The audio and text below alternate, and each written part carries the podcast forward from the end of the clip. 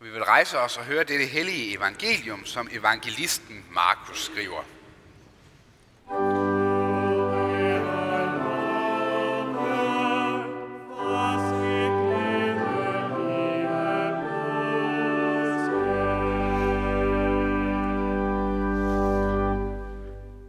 Jesus sagde, med Guds rige er det ligesom en mand, der har tilsået jorden.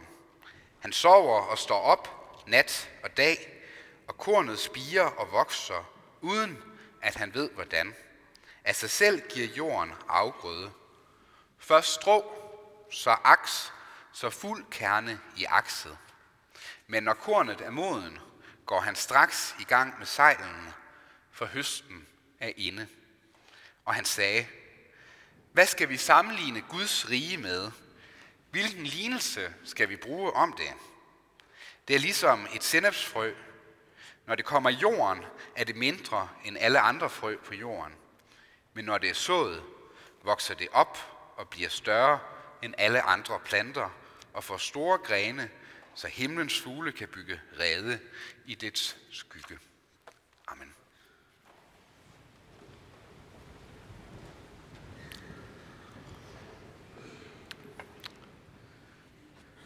Da vi for et øh, års tid siden flyttede til Kolding, det er faktisk lige præcis næsten et år siden, at øh, jeg fik at vide, at jeg skulle herned og være præst. Men øh, der øh, skyndte vi os ned til Kolding fra IKAST og fandt os et dejligt hus, som vi faldt pladask for. Et drømmehus med ikke mindst en drømmehave. Det er nemlig en lille have, dermed en dejlig have, og dermed også en overskuelig og nem en at holde. Troede jeg da. Der i det tidlige forår, der kunne jeg ikke se, at jordbunden i samtlige bede gemte på en grum, grum hemmelighed. Små grønne spiger i et hvidligt trådet netværk. I min naivitet så tænkte jeg, at det er nok en form for bunddækken, så bliver det jo nemt med ukrudtet der til sommer. Så en dag så havde vi besøg af min kones morfar, og jeg har ham med ud i haven og viser ham stolt rundt og fortæller med glæde i mine øjne, at vi jo har masser af bunddækken. Og så kigger han sådan lidt omsorgsfuldt og lettere med lidende på mig, og så siger han, det der, det er ikke bunddækken. Det er skvallerkål. Og ved du hvad? Det kommer du aldrig af med. Det kommer du aldrig af med. Jeg har ikke tidligere i mit liv sådan stiftet sådan et dybt bekendtskab med skvallerkålens væsen. Det skal jeg altså lige hilse at sige, at det har jeg nu.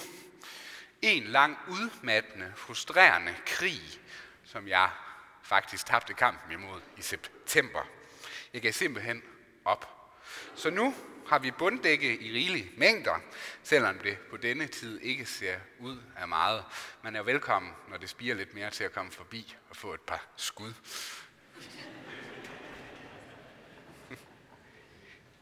Jesu ord i dagens evangelium, det ledte faktisk mine tanker hen på det her med skvallerkålen i min have.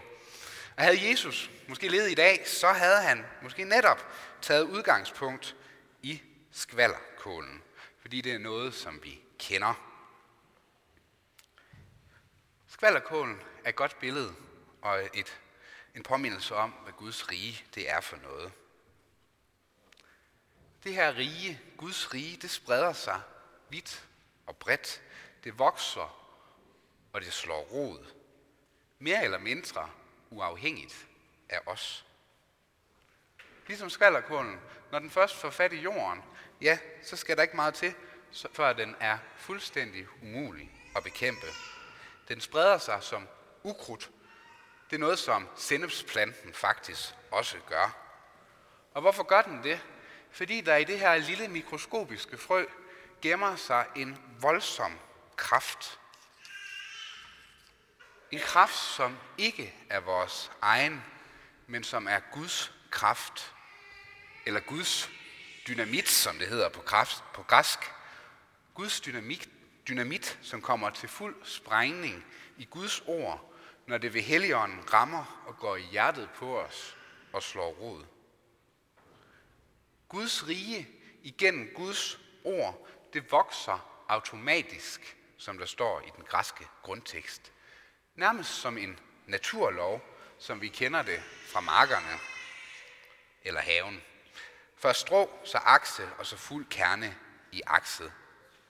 Det sker bare, uden at vi nødvendigvis kan komme med de helt store og fyldesgørende forklaringer på det. Guds ord, det kan noget. Det vender aldrig virkningsløst tilbage. Det vender aldrig tomt tilbage. Det er godt, og det er vigtigt for os at blive mindet om, at Guds ånd igen de her særligt beåndede ord gør et stort og et vigtigt arbejde i os og andre, uden at vi nødvendigvis selv har den store andel i det. Det er da befriende. Tænk sig, det hele det afhænger ikke af dig eller af mig, men af ham, der har sat Guds rige i os og i verden. Jesus Kristus. Han giver os, hvad vi har brug for.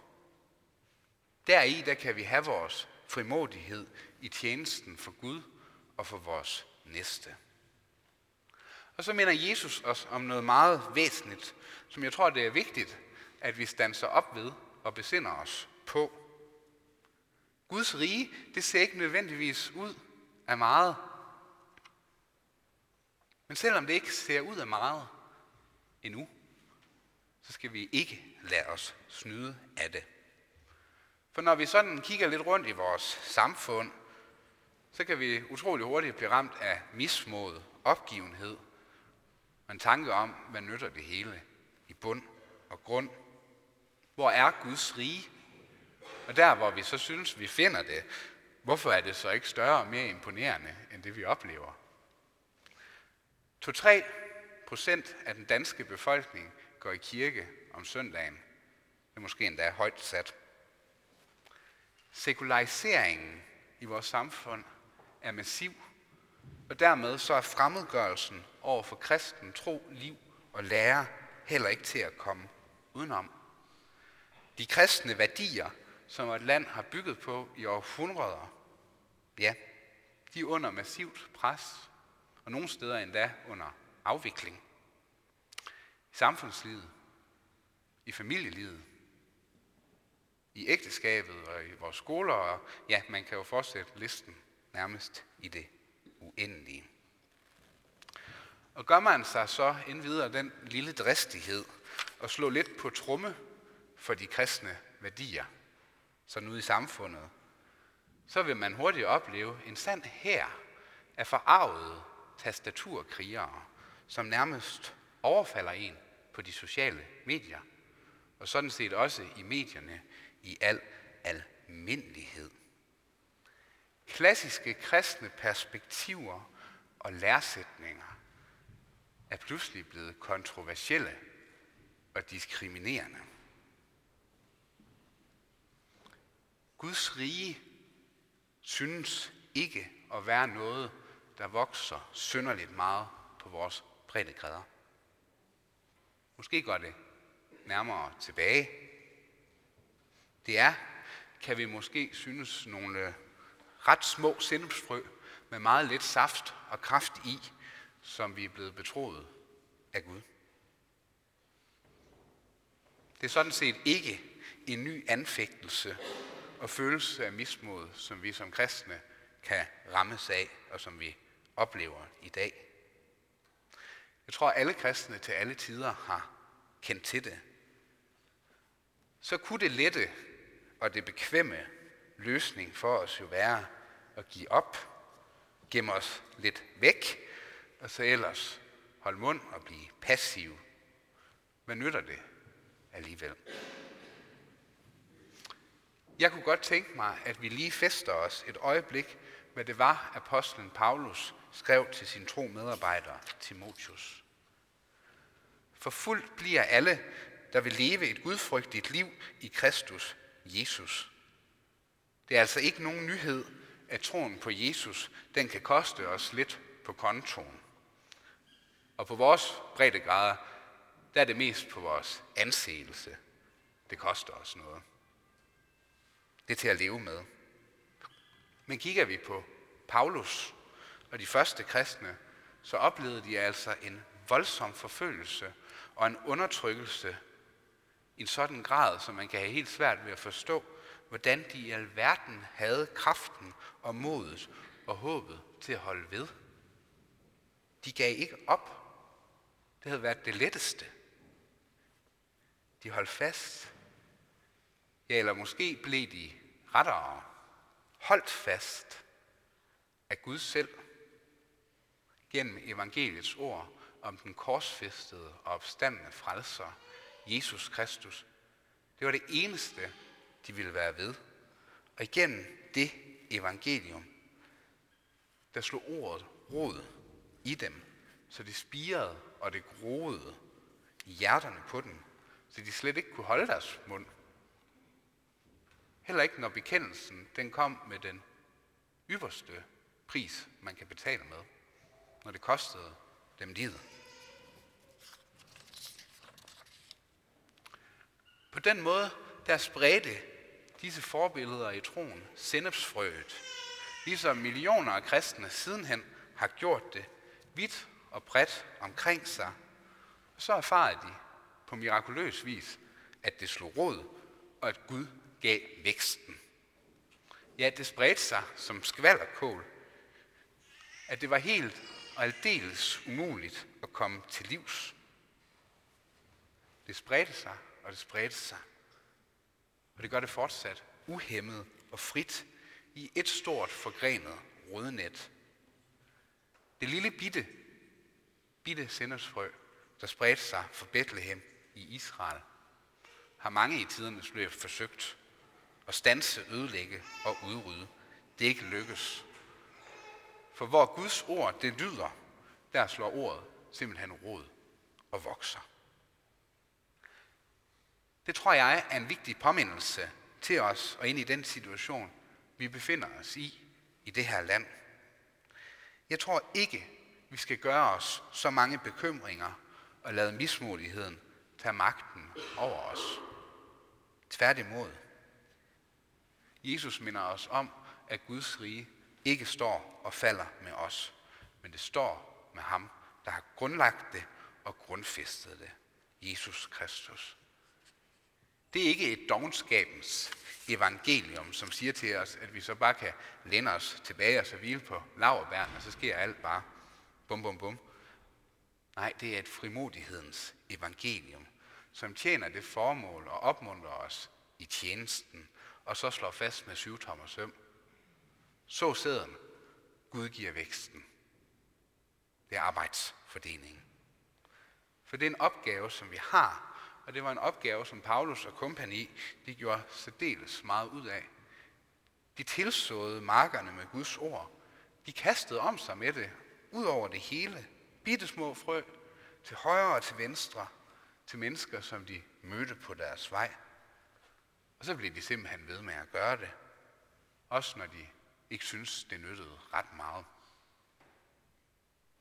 Det er den opgave, vi er blevet betroet som Jesu disciple. Når vi så har gjort det, når vi både tilsår os selv og tilsår ude omkring, ja, så kommer den egentlige og den svære udfordring for os.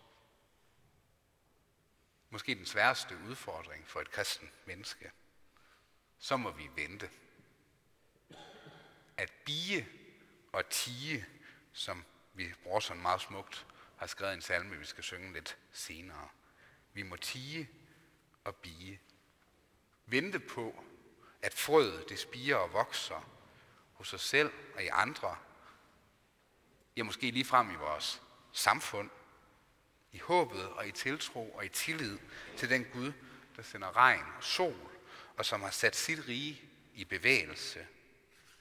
Det rige, der altså begyndte med et lille spædbarn i Bethlehem. Det liv, der endte på et kors, på et torturinstrument, men der sluttede historien jo ikke, for det endte i opstandelsen.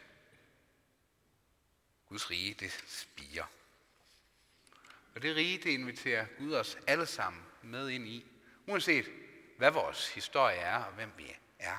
Vi er velkomne i det rige. Når vi er i det rige, når vi lytter til Guds ord, så vil han også skabe væksten i os. Derfor så skal vi hverken blive mismodige eller opgivende, når vi ikke synes, at Guds rige ser ud af meget. Sådan er det bare. Men vi skal tilså, lad os tilså, og så skal vi simpelthen have fat i bøndens væsen igen.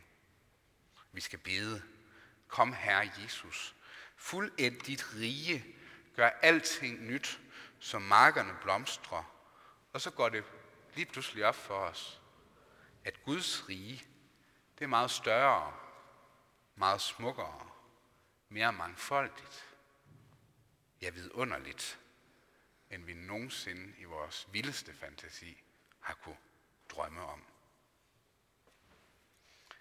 Ære være faderen og sønnen og helligånden, sådan som det var i begyndelsen, således også nu og altid og i al evighed. Amen. Og lad os rejse os og med apostlen tilønske hinanden. Hvor Herre Jesu Kristi nåde, Guds, vor Fars kærlighed og Helligåndens fællesskab må være med os alle. Amen.